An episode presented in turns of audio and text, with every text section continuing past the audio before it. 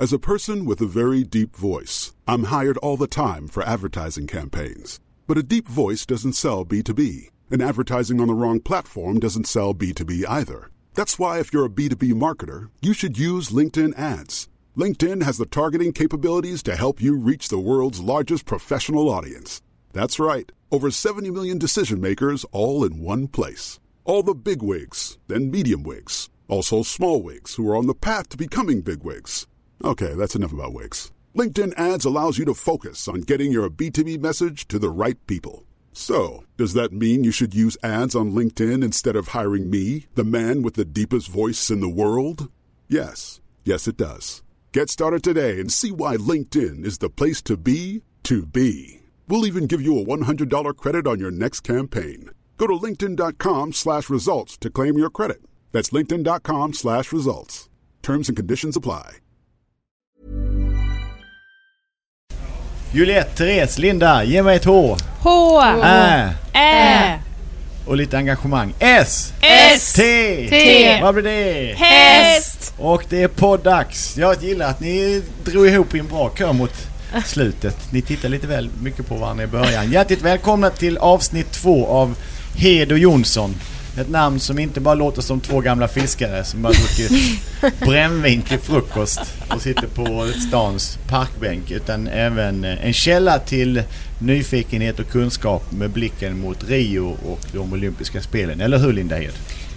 Det känns bra, det känns tryggt. Vi är på G. Första avsnittet så pratade vi fälttävlan. Jag måste ge dig att du uppfyllde mina förhoppningar om din tydlighet och att du tittade Linda Algotsson i ögonen och sa att du var lite orolig. Ja men eh, det är ju skönt att man kan få vara ärlig. Ja, Eller? det är ju väldigt skönt. Jag tänkte säga något, eh, eller jag bara lät det sjunka in. Jag tycker verkligen att det är... Eh, Men Viktigt. jag känner mig trygg vid din sida så jag hoppas att jag uppfyller dina krav. Oh! Det gör du verkligen, det gör du verkligen.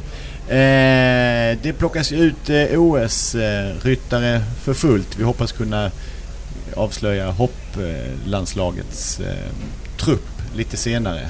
Men nu vet vi vilka som hoppar i dressyren. Nej, vilka som rider i dressyren. De kanske hoppar över eh, de här dressyrstaketerna emellanåt. Det måste vi fråga. Det måste vi, men vi får absolut inte hoppas att det blir så. Eh, Therese eh, Nilshagen, välkommen. Tack snälla. Juliette Ramel, Tack. hur är läget? Det var bra. Ända från Eslöv hit till Falsterbo, lång resa. Nej men jag bor i Holland. Ja, men det är mycket roligare att säga att du bor till en, en förort till Eslöv. Ja precis, en förort verkligen. Det är väldigt eh, livat där. Mm. Mm. Jag har gått på folkhögskola i, i Eslöv, det är därför jag vet hur, Aha. hur, hur inte stort det är. Mm, nej, det, det är väldigt pittoreskt. Ja, du, nej, det är det inte. Det är bara litet och bonnigt. Har du dansat säger- på sten, sten som sten? Nej jag har inte gjort det för jag flyttade till Sörmland när jag var 16. Okej. Så, eh, ja. Men jag har gått på fritids i Ja. Eslöv. Ja. Eller Flyinge. Men kändes det att du flydde? Nej, nej så kände jag inte. Men jag började träna för Peter Markne. Så Ah. därför flyttade jag till Sörmland. Och han har lärt dig allt du kan. Han har lärt mig väldigt mycket. Katrineholm, bodde han det där? Ja. Mm. Redan då. Precis. Och var i Holland bor du? Arnhem. Mm. Mm. Vad är närmsta fotbollslag? Sånt man måste veta. Jag, jag vill inte prata fotboll. Jag tycker det är så... Det är emot ditt varumärke. ja. Och du bor i Tyskland. Ja, det stämmer. Säg det, det låter vackert. När du bor. Jag bor i närheten av Fästa. En gång till. I närheten av Fästa. Hur, hur lär vi oss det? Jag Men vadå, är det svårt eller? Fästa? Färsta? Fästa? Det gäller liksom mitten på tungan. Färta. Nej, inte. Nej, så det inte låter Färs. holländskt. Ja. äsch. Fästa, ja. Det låter som att man nästan inte kan prata. Ja, nej, kanske, ja. Det är som med vacker musik. Du måste träna för att kunna förstå den. Precis som att titta på dressyr. Tycker ni att jag har rätt när jag säger att om man ska jämföra de tre OS-grenarna som är i, med hästar inblandat att fälttävlan är hårdrock, Iron Maiden, mycket, långt, rätt så bullrigt. Hoppning är lite mera inställsamt, populärt, housemusik. Tydligt, man ska fatta direkt. Du kan komma från gatan och bara fatta. Medan dressyr, det är klassisk musik. Det är stort, vackert och du måste ha tränat dig för att kunna förstå det. Men ju mer du är beredd att ge, desto mer kan du få. Ja, men jag kan verkligen se samma likheter. Ja. ja, det är lite som konst faktiskt. Jag tycker Henrik lät väldigt konstnärlig. Ja, men ända, ända in i själen. Jag tackar. är det svårt att förklara för människor som inte förstår vad dressyr är, vad det är för någonting? Ja, det är det säkert. Alltså jag kommer aldrig glömma, jag tror att det var på min första tävling som jag var, som jag var med på hästsjö, eller som jag var med som hästskötare, det var i, i Neumünster. Då satt Maria Gretzers föräldrar bakom på läktaren och så säger pappan så till mamman Fan, det är ju värre än att, se så, eh, det är värre än, än att titta på när målarfärg torkar. Alltså, jag kan verkligen tä- tänka mig att det är svårt att förstå om man inte vet någonting om dressyr. Liksom, att, det är, att, det ja, att man inte riktigt som, kan förstå det hela. Men det tycker jag också. Jag har ju börjat försöka sätta mig in i dressyren nu och jag tittade väldigt noggrant på världscupen i Göteborg. Och till och med jag säger då att jag tycker att det blir riktigt intressant till slut när man, när man börjar förstå vad är det som Mm. händer, vad gör de? Eh, man får känslan, det kommer från själen. Eh, nästan som man ser att hästarna tänker det ryttarna vill. Mm. Det är läckert. Ja. Ja, och i det konstnärliga som du säger Juliette, Ja. att man, man ska ju höra på en pia- pianist vem det är som trycker ner på tonen. Så mycket personlighet ska du kunna sätta i det du försöker uttrycka. Men det stämmer verkligen. Man ser ju, man kan verkligen se om man tittar på ryttare så ser man verkligen när de rider andra hästar också hur mycket de präglar hästen. Mm. Hur mycket deras ridning sätter sig i hästen. Och nu har du en känslig häst som ska åka hela vägen till Sydamerika. Mm. Tar man med sig den känsligheten eller måste du karva bort den lite? Nej, nej men jag, jag... Man får ju anpassa sig efter honom som individ liksom. Han, så är det ju liksom. Jag känner ju honom väldigt väl. Och han känner mig väldigt väl så det ska nog gå bra. Är han känslig för att han är lättskrämd eller Nej. känslig för att han är intaglig? Alltså det jag menar med känslighet är ju, alltså han är känslig när jag rider honom, alltså otroligt lyhörd för hjälper, liksom, ja, skänkel och hand och etc. Eh, men sen han, han är ingen rädd häst överhuvudtaget. Så att jag, jag är inte så himla orolig för resan. Liksom. Jag tänker om någon annan ska sitta upp på honom Ja. och ger andra instruktioner och du kommer tillbaka. Hur, hur, hur känns han då? Jag, det är bara jag som rider honom. Aldrig någon annan som sitter på. Det har varit en gång när jag varit borta liksom. Så, men det, annars är det bara jag som rider honom. Av just den anledningen att ni ska kunna ha de här finkänsligheterna eller? Ja, men sen, ja, men jag, är, jag älskar att rida honom så att jag åker väldigt sällan bort. Och din tränare får aldrig sitta upp? Nej, Nicole rider inte längre. Hon slutade för 6-7 år sedan. Så att, eh, nej det, är- det är bara jag som rider. Men sen är det klart liksom att är du, väldigt, är du en väldigt erfaren ryttare så skulle, som Edvard eller Hans Peter, om de skulle hoppa upp så skulle de ju också självklart kunna rida honom minst lika bra som mig. Liksom. Absolut, eh, om inte mycket bättre liksom. Men ehm, eh, det är ju, så det är klart att en duktig ryttare kan ju också anpassa sig efter hästen. Är det någon annan som sitter på din häst, Therese? Nej, aldrig egentligen. Det är liksom ifall jag är, ifall man är borta länge på semester, men det är man inte så ofta. Eller om man skulle bli jättesjuk så att man verkligen inte kan, men det händer aldrig, alltså aldrig i princip. Alltså jag skulle inte vara rädd för att någon, alltså det skulle, det skulle gå fint liksom så. Men eh, nej, det är bara, men det är bara jag som rider honom liksom. Så att, ja. Ni ska bägge OS debutera. Tror ni att ni vet vad det är som väntar?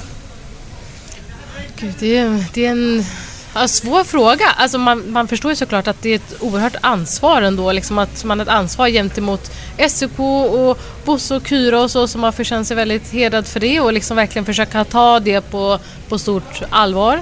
Men samtidigt så får man också, som Bosse säger, att man inte förstorar det för mycket. För att man ska ju liksom ändå kunna prestera helst som vanligt om inte bättre. Och blir man alldeles för nervös och tänker efter för mycket då, då blir det säkert svårt. Hur resonerar du Julia? Jag försöker bara fokusera på att eh, göra, rida så bra som möjligt. För det är bara det jag kan påverka. Liksom. Så att, eh, det, kom, det är självklart någonting man aldrig har upplevt tidigare. Men det är, för mig är det väldigt viktigt att försöka hålla fokus bara på att göra så bra som möjligt. Linda, du som har varit på OS som eh, atlet och ryttare. Det måste vara tusen distraktionsmoment jämfört med en annan tävling. där människor är vana vid att hålla tävling, vana vid hästar, vana vid allt. Alltså jag skulle säga att det svåraste momentet är just att man har bara en enda häst. Eh, ni har ju också fler hästar hemma och man har ju hundratusen järn i elden hela tiden och där ska man bara fokusera på sin ritt och bara sin en, eh, enda häst man har där. Och man får nästan lite problem med om vad man ska göra av tiden. Men det är kanske lite annorlunda för vi, har ju, vi åker ju ofta på tävling med bara en häst. Alltså Mm. Alltså dressyrryttare, det är inte så ovanligt för dressyrryttare. Så det, Ja, precis. Alltså, jag har en, en annan häst nu som börjar komma upp i de klasserna men det är inte så att jag kan ta med honom och rida parallellt än. Nej. Så att det har ju, Nej. för mig med Dante så har det varit väldigt mycket nu så att det mest varit fokus då på, på bara honom då. Alltså då när man har varit med honom. Sen är väl emellanåt varit på andra tävlingar med de andra hästarna men så vi är väl ändå ganska vana vid Ja. att liksom kunna koncentrera oss på, på en häst. mm. Vad gör ni all annan tid då, förutom när ni är, värmer upp och är inne på banan? Alltså för mig är det väl så, jag menar min häst är också van, han kommer alltid in i skrittmaskin på morgonen och så är det hage och så, så att jag rider ju alltid på morgonen lite också för att eh, för att han är liksom inte van, alltså om han startar på eftermiddagen, han kan liksom inte stå inne fram till då och eh, eftersom att han har varit avelhingst och så, det är inte så himla lätt att ibland gå ut och gå med honom, det är nästan lättare ifall jag sitter på honom så att det brukar bli att man liksom, man tar ett pass på morgonen och så och sen så, så ja, pysslar man lite i stallet. Jag, jag gör det också gärna själv. Jag har en bra hästskötare men alltså jag, jag gör också gärna saker själv. Och jag tror att det kanske är det som i slutändan har gjort också. Jag tror det är också samma sak med Julan att det kanske har gått bra för oss nu att man ändå har en ganska stark knytning till hästen och liksom att det inte bara det här, inte bara framgången och bara liksom tävlandet utan väldigt mycket runt om som man har, som man har väldigt roligt liksom, och som verkligen svetsar ihop en med hästen. Det kan jag som vare sig ryttare eller hästägare vara positivt avundsjuk på den relationen som ni utvecklar med ett djur. Mm. Det finns, vi säger ju det lite konstigt, en mänsklig relation, man lär känna någon annan. Mm. Men att man har en trygghet i det och att man kan göra varandra besvikna, man kan göra varandra glada. Mm. Kan man bli tröstad av sin häst själv när man är låg och ute? Ja, jag tycker det. Eh, de ger mig väldigt mycket energi. Eh, jag skulle säga att, att eh, när jag har en dålig dag och eh, sätter mig och rider ut i skogen och hästen är jätteglad och busig och pigg, det, det ger mig energin för resten av dagen. Hur känner ni? Ja, Jag tycker precis som dig, man får otroligt mycket positiv energi av hästar. Är det så man kan gå ner en kväll, man, livet är lite beige en tisdag i november. Traska ner till stallet och... Lät som Lars Winnerbäck nu tycker jag. Tack så mycket! Tandläkarväder ja, precis. det han sjunger om. ja men exakt, i Holland dessutom. Ja, jo, absolut. Det är jättelångt till Eslöv. Ja, ja just Eslöv, och det saknar jag ju fruktansvärt mycket. Men, nej men alltså, jag, jag tycker man mår väldigt bra av att vara runt hästar. Alltså, det är väldigt sällan jag är utan hästar, men om man skulle åka bort några dagar så känns det alltid skönt när man kommer tillbaka till stallet. Liksom, att, Nej, man, är- Jag känner nästan att man, att man blir mer stressad när man ska åka bort. För Ja. att då, då ska man liksom, jag känner nästan så att jag nästan idiotförklarar all, alla andra människor. De hatar nog när jag åker bort för att de tänker att nu ska hon berätta nu 20 gånger igen hur vi nu ska göra det här. Och jag tycker nästan att det är mer stress själv när man ska planera att man åker bort. För man gör sån grej av det för att man, ja, man vill gärna egentligen göra det själv liksom. Det är som att vara en nybliven mamma. Titta på dig Linda som har barn. Förutom att man är det hela tiden. Barnen blir aldrig stora. Nej, inte ens. Du, du har ju gamla barn snart tänkte jag säga, men du vet väl hur det är också. Eh, jag har fått en känsla som jag tycker om med dressyren inför det OS som väntar. Att det kommer i en oerhörd stark ström av positivitet och det finns en självsäkerhet och en idrottslig lust att vilja lyckas. Tidningen Ridsport och Kim C Lundin har eh, eh, försökt spå lite grann hur det kan bli och bara det att inledningen är på den här artikeln i tidningen Ridsport. Sverige har aldrig haft ett bättre lag inför en laguttagning i dressyr och det har aldrig varit svårare att ta medalj. Och jag hörde även förbundskapten Bosse som pratar om det att det aldrig varit så tufft att komma in och de som är med är med och det räknas. Är det någonting som jag har hittat på själva eller känner ni också att eh, tiden för att eh, se och lära och, och det var kul att få komma hit är förbi? Ni är där för att tävla. Ja, absolut. Och jag, som Bosse sa innan, jag tror vi har väldigt bra hästar nu i detta laget. Mm.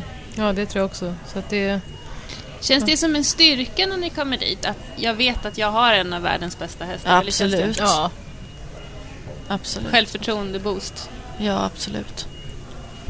För det är en intressant komponerad trupp. Vi bemärker att det faktiskt är en trupp eh, av olika individer, eller i alla fall två tydliga grupper med eh, Tine Wilhelmsson och Patrik Kittel som tillsammans tror jag gjort tio olympiska spel. Och ni kommer från andra sidan utan blir gjort liksom- ett enda. det blir som lite mamma, pappa, barn. ja, verkligen! Alltså inte åldersmässigt, men det är nästan, man får nästan lite den känslan kanske. Ja. Det tycker jag ni ska hålla fast vid hela tiden. Så, hur gör vi här och det här får ni inte göra. Eller börja med veckopeng bara. Ja. ja, jag vet inte hur, hur, ja, hur de skulle reagera på det, men ja. Men det finns ju någonting i det. Ja, det är klart att det är hästarna är ju av stor betydelse. Men det finns ju någonting i, det, i den mänskliga aspekten av att, av att blanda rutin och eh, nykomlingar, vilket ni är då i olympiska sammanhang. Man pratar ju om i, när man gör en film så är det viktigt att få till en cast. Man måste ha en superstjärna, någon som kan göra superstjärnan till en superstjärna, det vill säga en biroll. Sen alltid någon som ska katapulta, den som ska lyfta upp det som gör det större än vad vi trodde att det skulle bli. Har ni en press på er att överraska nu då? Ehm, ja, alltså det, det skulle vara otroligt skönt att lyckas bevisa att de har tagit ut rätt lag i alla fall. Alltså det skulle kännas... Boje Nord, eh, jävligt ledsen.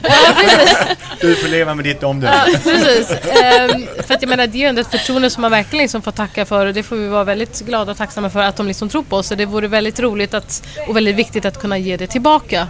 Liksom så, att, ja, men, ja, men, så att de tänker, ja men vi gjorde allt rätt liksom. För att som sagt, det finns ju, ja det fanns ju också andra som man hade kunnat välja. Det ser bra ut för Sverige så men nu var det väl vi som hade nu de, de bättre resultaten liksom. Så att det, Ja. Ja, Linda, Ja, förlåt. förlåt. Jag, jag, jag tänkte på um, Patrik och Tinne här. Hur, hur mycket känner ni att ni tar hjälp av dem i sånt här läge? Eller kör ni eran grej och de kör eran grej eller hur, hur funkar det? Men jag, jag, vi har inte, eller jag har inte varit så mycket på samma tävlingar som, som Tinne och, och Patrik faktiskt. Det var nu i Rotterdam. Mm. Men innan dess har inte jag varit så mycket, för Tinne är ju också mycket i Florida under vinterhalvåret och så. Ja, precis. Ja, nej, jag har inte heller liksom känt fram till nu att det har varit så, men inte så, inte för att man har haft någonting emot det, Nej, utan, nej, utan, utan att det har bara liksom inte blivit så. Men, Men det är alltså, klart att det kan ju bli, annorl- nu kommer man ju spendera mycket mer tid i eh, Rio och så. så att, eh, Men det de- känns de inte stressande då att de, de är så pass mycket... Nej, tvärtom tycker jag. Det Ja, precis. jättebra. Ja, vi skulle kunna lära oss jättemycket av det. Ja. Så att det är liksom... Nej, det, det tycker jag bara känns positivt. Ja, Absolut. absolut. Jag noterar också Juliettes uttal av Rotterdam. För det, är den, det är den inhemska uttalet. Och då leder vi oss in på uttalet på huvudstaden. Amsterdam som vi säger Amsterdam. Sverige. Men när man sjunger så är det Amsterdam. Och då kommer vi till mitt favoritämne, musik Musik, Ja. och dressyr. Ja. När man får välja musik själv, var börjar man att välja då? Ni får säga om jag har fel eller om jag är fördomsfull, men det är lätt hänt att jag blir det när det kommer till musik. Men när det ska vara lite poppigt i dressyr så blir det ju sällan poppigt. Det blir poppigt från det som redan var för sent när man började sätta ihop sitt kurprogram. Och när man är klar tre år senare så vad tror ni om Britney Spears 2014? ja. Ja, hur går det till? Jag, jag, jag började fördomsfullt så att ni får räta upp det. Hur, hur gör man? Alltså när man gör en kur. Ja, och när man, just när man pratar om själva musiken och vad ska vi ha, vad gillar domarna? Ja. Um, alltså för mig var det så att ehm, jag tog hjälp av en, av en kille som är rutinerad på det här och ehm, han, han frågade mig liksom lite om jag hade några idéer och jag var ju en superbra kund. Jag typ, nej, kan du föreslå någonting liksom? För att jag, så, och då så tänkte han lite så och så tänkte han, eh, så valde vi ett tema. Eh, och så har han liksom, ja, så har vi typ inte spejsat till det men liksom gjort en annan version av det. Är det svensk eller utländskt? Eh, Eurythmics är det. Oh, tidlöst bra! Ja, precis. För han tänkte också lite att det här är låtar som alla känner igen. Vem som är, om det är en, en gammal domare eller om det är yngre, det är liksom det, alla, alla har hört de här låtarna och så har, vi, så har han liksom gjort en helt annan... Eh, ja, vi har tagit in lite andra instrument. Det kom en, eh, en kille som spelar fiol som har liksom kom in till studion och gjorde... Ja, så jag hoppas att det blir bra. Jag tycker att det blir bra. Och om man märker att det inte passar i framtiden eller att man vill ändra programmet så är det väldigt lätt nu i dagarna. Eller liksom man kan ju bara ändra programmen. Så, Börjar du med Sweet Dreams? ehm, Sweet Och- Dreams är med. Ja. Men jag börjar inte med det. Jag måste tänka efter vad jag börjar med. Must be talking to an angel om det går dåligt. Ja. Eller har du den i början? Jag tror att jag har den i början. Ja. Oj, jag ryser. Jag, jag, jag vill inte säga något fel här men jag har med den i alla fall. Ja. Alltså ja, men... ehm, Patrik Kittel har ju Depeche Mode, vilket jag tycker är roligt. Ja, den var... Alltså det är ju verkligen en fantastisk... Alltså jag tycker att den kuren är verkligen bland det bästa som jag har hört och att det passar så bra med den hästen. Alltså jag får alltid gåshud. Han ska ju rida den på fredag här, ska inte det? Ja, jag sa till hans hästskötare att jag är nästan glad att jag inte är här för jag tror att jag skulle börja gråta då. Ja, sista. Men hur ofta rider ni i KIR-programmet med musiken? Alltså jag har inte ridit min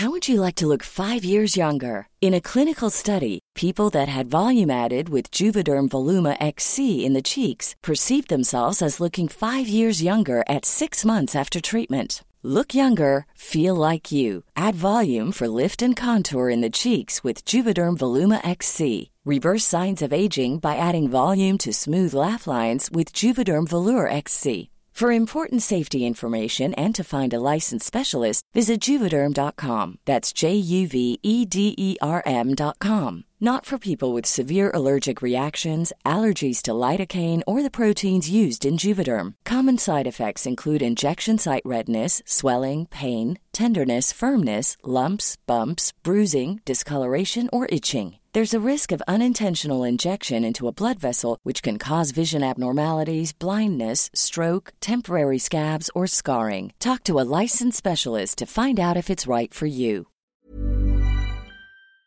Kur, min, min nya kur någon gång än. Utan jag har, jag har haft en och lånat nu så att jag har inte ridit min nya kur på tävling någon gång än. Är inte Wow. det lite risky?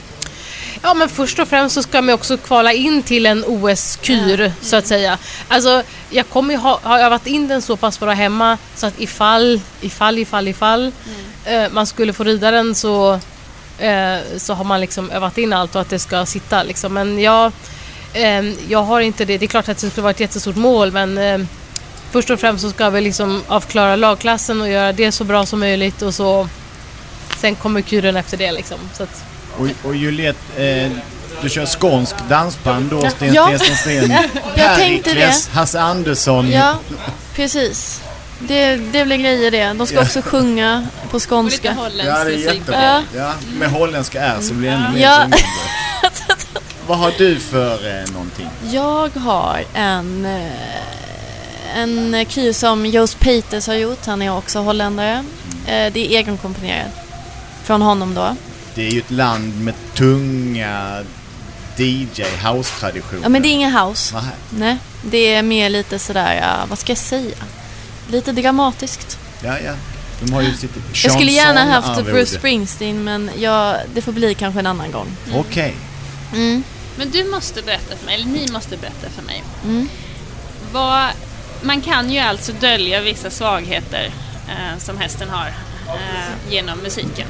Vad, vad har ni döljt? Ingenting.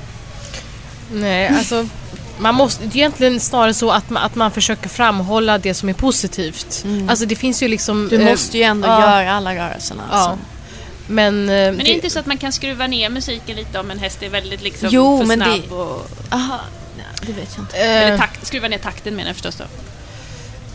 Ja, fast det är väl i sådana fall mer ifall man... Ja, alltså det gör man väl inte på det viset så kanske. Eller att ifall man har en häst som är rädd av sig så kanske man liksom... Inte kör på full Nej, volym. då kör man... liksom. Nej, precis.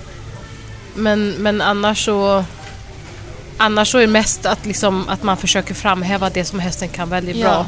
Och vad framhäver ni? Alltså jag till exempel em, gör ganska mycket piaffpassage och så gör jag lite byten på böjt spår och liksom Jag har försökt att göra det så svårt som möjligt fast att man ändå ska kunna klara det bra. För det är ingen, det är ingen vits att ha en jättesvår Nej. kur men att du, får, att du får för mycket fel för det är liksom, det är inte alls bra. Man måste verkligen klara det för att annars Annars blir det inget bra liksom. Man får inte överdriva och så här, och jag menar, vi har också väldigt unga hästar som, som kommer fortsätta utvecklas. De kommer ju bli bättre och bättre förhoppningsvis nu med åren så då kan man kunna höja svårighetsgraden lite till. Och hur vet man vad domarna tycker om? Fördomsfullt så tror man att de är lite gamla och Ja, precis. mossiga. Men det vet man ju inte. Alltså man får ju bara... Man får ju hitta en musik som man tycker passar bra till hästen. Ja, och som man själv trivs med. Det, det är Ja. nog jätte, jätteviktigt. Ja. Går ni, går ni tillbaka och kollar er resultat vad det var för domare som gav vad? Har man Nej, inte jag. favoritdomare och, och vissa på svarta listan? Ja, alltså när man, när man tittar... Nej, svart. Alltså man, Jag rider inte om du kollar.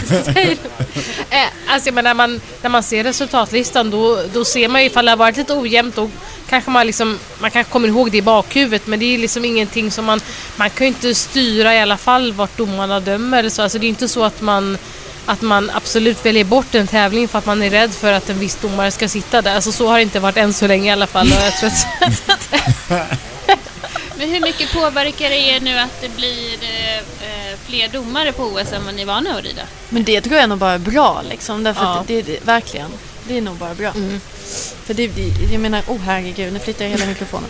Ehm, men det, det, tycker jag känns bra. ja, det är i alla fall inget, ingen liksom orsak att bli nervös över på något vis. Alltså att det är två domare till som sitter. Jag tror också bara att det kan vara en fördel. Ja. För vi, jag tyckte det var roligt som fastnade för mig, inga jämförelser i övrigt med Linda Algotsson när hon var gäst här igår som pratade om sin häst. Hon tycker det är lite jobbigt med domarna. Hon tycker, hästen tycker att det är lite, liksom, lite pinsamt att vara ensam ute på en sån stor... Oj, där sitter en domare. Hopps, där sitter en, där sitter en till och tittar ner i, i, i, i blocket. Men är det så att det gäller att sätta, till, sätta dit sina finaste grejer som man vet Tänker man på domarnas vinklar, vad de ser? Nej, nej, man har inte tid och, Nej. Man har fullt upp. Ja. Blir man ofta arg, domarjävel, eller skyller man på, på hästen? Nej, det, alltså jag tror att eh, minst till, till 95 procent så liksom de felen som händer är väl liksom, det får man ta på sig själv. Eh, så att, och det är liksom, visst att, att man kan, kan få bli besviken på en domare men det är liksom ingen mening att älta det liksom. Det är bara att försöka det är bara liksom, då får man gå in och kolla, okej, vad har de skrivit, vad var det som var dåligt? Och det är bara att försöka rätta till liksom. Det är ingen, det är ingen mening att liksom sura ihop för det liksom. Nej, för det måste vara intressant med dressyr jämfört med hoppning, Linda. För i hoppning så är det olika banor varje gång. Så ni har ju så oerhört mycket, många olika saker att skylla på. Att min häst gillar inte blåa hinder i motljus eller röda hinder på fredagar. Den typen av Tycker saker. du att vi skyller ofta på det eller? Jo, det tycker jag faktiskt. Fast du, det är intressant, det är ju större och bättre ryttare desto mer skyller de på sig själva. Det är mer de här som river banans tre första hinder som säger Hade det inte varit för de hindren, då hade jag varit nollad. Ja. Och där hade jag varit president. ja, men exakt. Så att det är ju finare när man åker runt på samma bana. Skiljer sig banorna mycket åt? Men det gör det ju ändå för att på vissa tävlingar, alltså det är ju alltid staket såklart, men det, det, det är ju ändå skillnad. För ibland sitter läktaren jättenära, ibland är det långt bort, ibland är det en stor TV, eller vad heter det där? Monitor. Screen, ja, monitor. Nära banan, alltså det, det är klart att det är lite annorlunda. Ja, alltså det Ändå. finns ju vissa hästar som, ja, men som kanske trivs bättre på en... Eller ja, som tycker att det är jobbigt kanske när publiken sitter för Ja, nära precis. eller så. Ja, då kanske du kan få ett litet problem på en sån arena om du har en sån häst. Men jag tror inte att någon, att vi, vi har inte, en- du, varken du eller jag ju lätt har hästar som är eh, så rädda av sig. Så det är ju ändå, det känns som att man ändå kan, kan, kan lita, alltså jag känner att jag egentligen kan lita på min häst på det, att han, han brukar inte vara rädd liksom. Vet ni hur det ser ut i Rio? Nej, vi, vi, när vi, Vi hade ju några foton, ja, men det var ju liksom ingenting klart. Mm, har ni sett det någonting? Nej, det har vi inte gjort. Bara på ritade skisser. Så att vi vet ju inte hur det ser ut med publik. Jag vet att det är många biljetter sålda. Oerhört Ja. mycket biljetter sålda till arenan. Alltså så folk är inte rädda för att åka dit? Nej. Nej, och brasilianarna gillar ju att gå, men de gillar ju också hejaramsor. Och gärna samba på läktaren.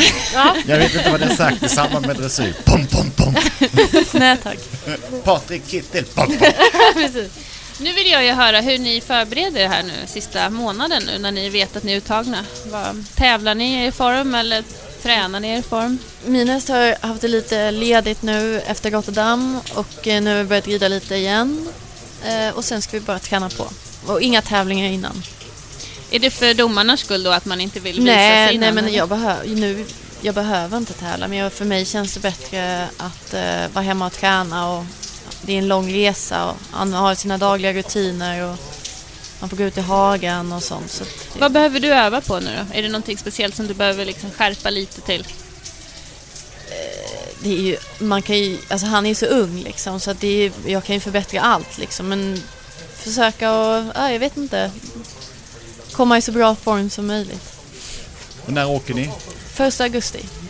Therese, vad har du för planer? Ja, jag är egentligen lite samma plan som, um, som Julan här. Att efter Rotterdam så har det varit liksom lite lugn och ro och att man har trappat ner lite och så. Och sen så för att nu börja liksom trappa upp igen och sånt där. Jag kommer säkert lasta på någon gång och åka och bara rida någon programridning någon gång så att man själv igen bara får, liksom, får rida, rida igenom ett program, kanske bli filmad någon annanstans. Så att man liksom känner att jag kan Ja, som om att man skulle gå in och tävla liksom. Det har vi, hade vi tänkt att göra så att det tror jag vi kommer göra. Men i övrigt träna normalt och liksom inte på något vis förstora upp. Jag menar, det har funkat bra fram till nu egentligen och bättre och bättre så att jag tror att man ska så passa sig för att liksom börja överdriva här nu på något vis. Jag tror Ja. det, det ska man nog kanske vara lite försiktig för. Men det, det får ju alla liksom bestämma som de vill. Men det är så som jag känner i alla fall. Att, Det kanske är det svåraste att liksom inte övergöra Ja. och göra allting mer. Börja prata högre, mer personal, byta massa saker. Mm. Utan att bli sitt bästa på att göra som man brukar. ja.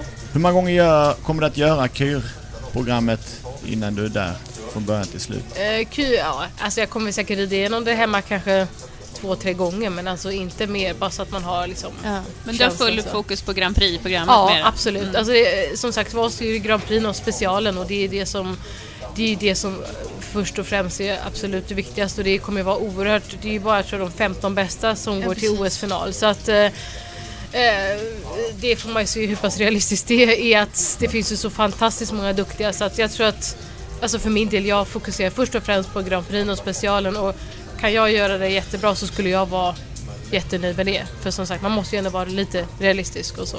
För det är lite andra upplägg mot vad det brukar vara på mästerskap. Ganska komplicerade. Så jag försökte läsa. Det är 15 som kommer sluta i specialen. Nej, Kyren. Kyren, förlåt ja. ja. Och hur brukar det vara på mästerskap? Är det fler? Nej, det tror Nej, jag det är väl 15. Och så är det väl tre per nation tror jag. Okej. Alltså jag tror att det inte, alltså det sku, även om... Ja, till om exempel- alla skulle... Ja, ja. precis. Så tror jag att det Så är bara... det ju de andra, sport, eller andra grenarna Ja. också. Precis. Och som sagt, det finns ju... Det finns ju liksom ett helt gäng som, som har varit väldigt starka över flera år som att liksom, då kan man inte heller slå bort sådär i första taget så. Men alltså vi får väl försöka ge dem en match liksom och försöka... Och bli den som alla snackar om. För det är ju också så, blir man någonting nytt som gnistrar bland det gamla så kan man ju komma med väldig fart. Ja, Titta på Island. Ja, Ja, men precis. precis. Island och Wales likadant. ja visst. Och så är det ju på, på mästerskap. Varifrån kommer ni att eh, flyga hästarna? Från Belgien. Från Liège. Ja, i Kommer ni Belgien. åka med själva? Men vi flyger samma dag från Ja, Amsterdam. jag tror Du flög också första. Ja, Ja, vi för- flyger ja, tillsammans. men, vad, men gud vad härligt, vad glad jag blir så behöver jag inte känna mig så, så förvirrad där på Ja men gud det vore jätteskönt, det var roligt. Ja precis, och så är vi redan där när hästarna kommer. Ja, precis. Det känns ju jättebra också tycker jag. Men ni har en hästskötare till alla, till hela ert eh, team då? Nej, alla har varsin. Alla får ha varsin hästskötare med? Men inte på flyget, det är bara veterinären som får flyga. Ja, okej.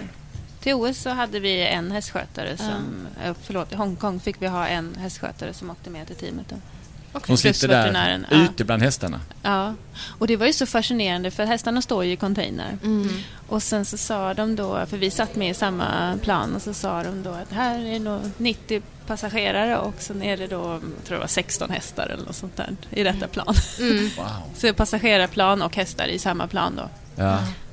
Och det enda som är lite skillnad är att det blir lite långsammare uppflygning Ja, och lite långsammare nedflygning. Ja, men det känns väl bra. Men alltså min veterinär har sagt att det är mycket skönare för hästarna att flyga än att åka lastbil för att det blir liksom ingen start och broms. Så att jag... Du har inga rödljus. Nej, Men precis. det vet man ju själv, då kan man gå lite i korridoren och sträcka på benen. Ja, precis. Ja.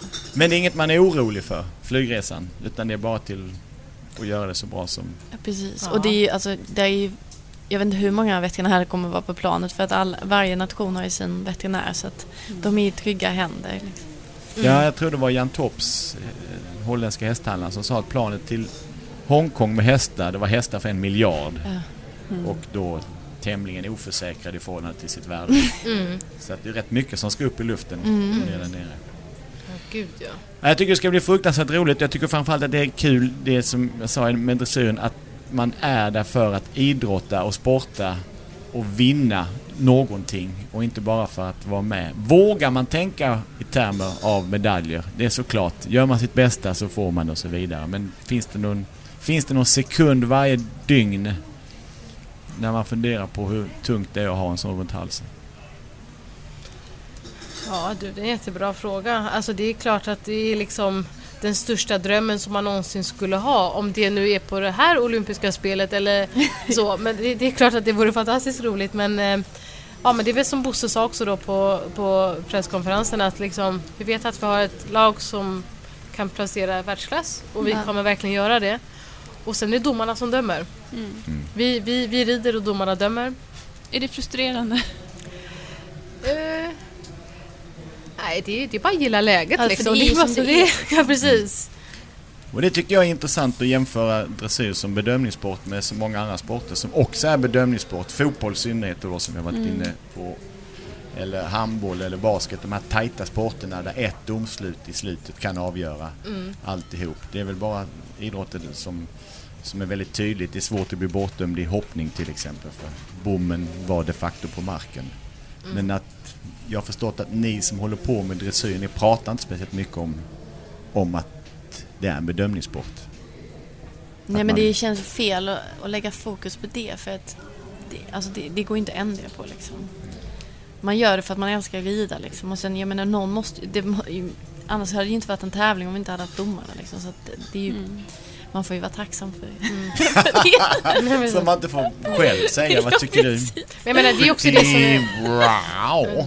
men jag menar, det är det som också är bra då på OS ifall det är sju domare, att ifall det är en domare då som har någon helt annan eh, åsikt och kanske då till ens negativa sida så blir det ju mycket mer utjämnat Men det är det som är så bra, att det är sju domare.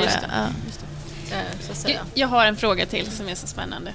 Har ni fått era OS-kläder än? Nej. Nej, Va? Det tyckte jag var det absolut roligaste, de här ja. OS-kläderna. blev du nöjd då? Ja, jag var jättenöjd. Jag använder dem fortfarande idag hemma. Man Lever i OS-drömmen jämt. Ska tillbaka liksom. Men ni har lämnat in era storlekar och så. Mm. Ja precis, vi sa XXL då. Så Ja. Och sen en symaskin så man kan sy in det. precis. Linda Hed, vad tror du om eh, Sverige i dressyren, OS-chanserna? Alltså jag eh, är ju väldigt optimistisk eh, när det gäller dressyren och jag tror väldigt mycket på er. Eh, jag tror Tack att det mycket. finns två medaljchanser i, i dressyren. Och den individuella kan vara vem som helst. Eh, nu måste jag ju tyvärr säga att det ser ju lite mer lovande ut för Patrik och Tinne. Eh, men eh, jag, jag har inte gett upp hoppet för de här två tjejerna än heller. Jag har inte sett dem än. Så. Det som jag fantiserar om som skulle vara så fruktansvärt roligt det är ju i ett olympiskt spel så är ju hela Sverige på tå och varje framgång gör ju genast en idrott folklig. Vi kan sitta upp och titta på curling eller boxning eller kanot och rodd. Det skulle vara så oerhört roligt att känna att nu är Sverige med och ska titta på ett på eh, någon som tävlar i dressyr. Jag ser att du rider, jag förstår att du har tränat in det här tidigare. Men exakt vad är det du ska göra för att jag ska fatta att, att du vinner? Att det kommer finnas ett enormt spänningsmoment för någon som bara tittar för att man vill ha en medalj. Man kommer väl att titta och se, bara de inte gör några fel. Eh, att det skulle vara spännande med dressyr som en folklig sport. Det känns som att det är vår uppgift att försöka få det när vi väl är Rio. Ja, bara till att skrika oj, ja! Men har ni liksom smakat på det så här guldjulett? Eller silver Therese? Eller? Alltså, ni vet ju silver-Sara blev Ja, liksom. ja, Har ni liksom vågat smaka på den? Mm, Nej. Bronshagen. Också bra. Nej, alltså jag är, för min del, jag är bara så glad liksom. Jag har eh, nästan inte vågat liksom förstå att man verkligen har blivit uttagen så att det är liksom eh, bara gå dit och göra en, alltså jag vill inte bara åka, gå- åka dit och bara vara där utan självklart också väldigt viktigt att göra en bra prestation. Men eh, eh, så, så långt har jag liksom inte drömt mig bort på det viset. Har ni känt eh, kärleken, att den, att den är mycket starkare till hästen nu när ni liksom känner att ni ska genomgå jag någonting större. Nej, alltså jag tänker mest så här, men tänk vad jag får uppleva med den här hästen. Det är ju helt sjukt så. Men det är inte så att man liksom... Att, Bara för att det blev uttagen så blev det Nej, hästen man lite älskar bättre. hästen för den individen den är, inte för... Prestationen. Nej. Har ni berättat det för hästen? Mm, Att ni ska åka till. OS? Jag Ja. ringde honom direkt när jag fick reda på det. Vad sa du då? Eller var det Nu upptaget ska där du då? åka till? Rio. Copacabana. Ska vi rida på stranden? Precis. Eh, tack så jättemycket för att ni var med oss idag. Och ni ska inte... Eh, ni har ju, har ju era biljetter och kvalplatser säkrade så att ni ska inte rida något av värde fram tills dess. Så att vi kan bara önska er lycka till framförallt då med träningen och så ses vi i Rio. Vi hejar på er. Tack Ja. snälla för att du fick vara tack. här. Tack så jättemycket och eh, Linda Hed, vi är ju tillbaka med den här podden varje dag resten av den här Falsterboveckan och igår så utlovade jag eh, regnfri helg. Jag ber om ursäkt för att det regnade under den här podden ifall ni undrar varför det smattrade så härligt eh, på de kullerstenarna som vi sitter på på våra träbänkar. Vi Men tror imorgon- på solen. Vi tror på solen. Imorgon blir det solsken. Det är mitt enda löfte som jag tänker hålla. Tack för idag. Tack. Tack.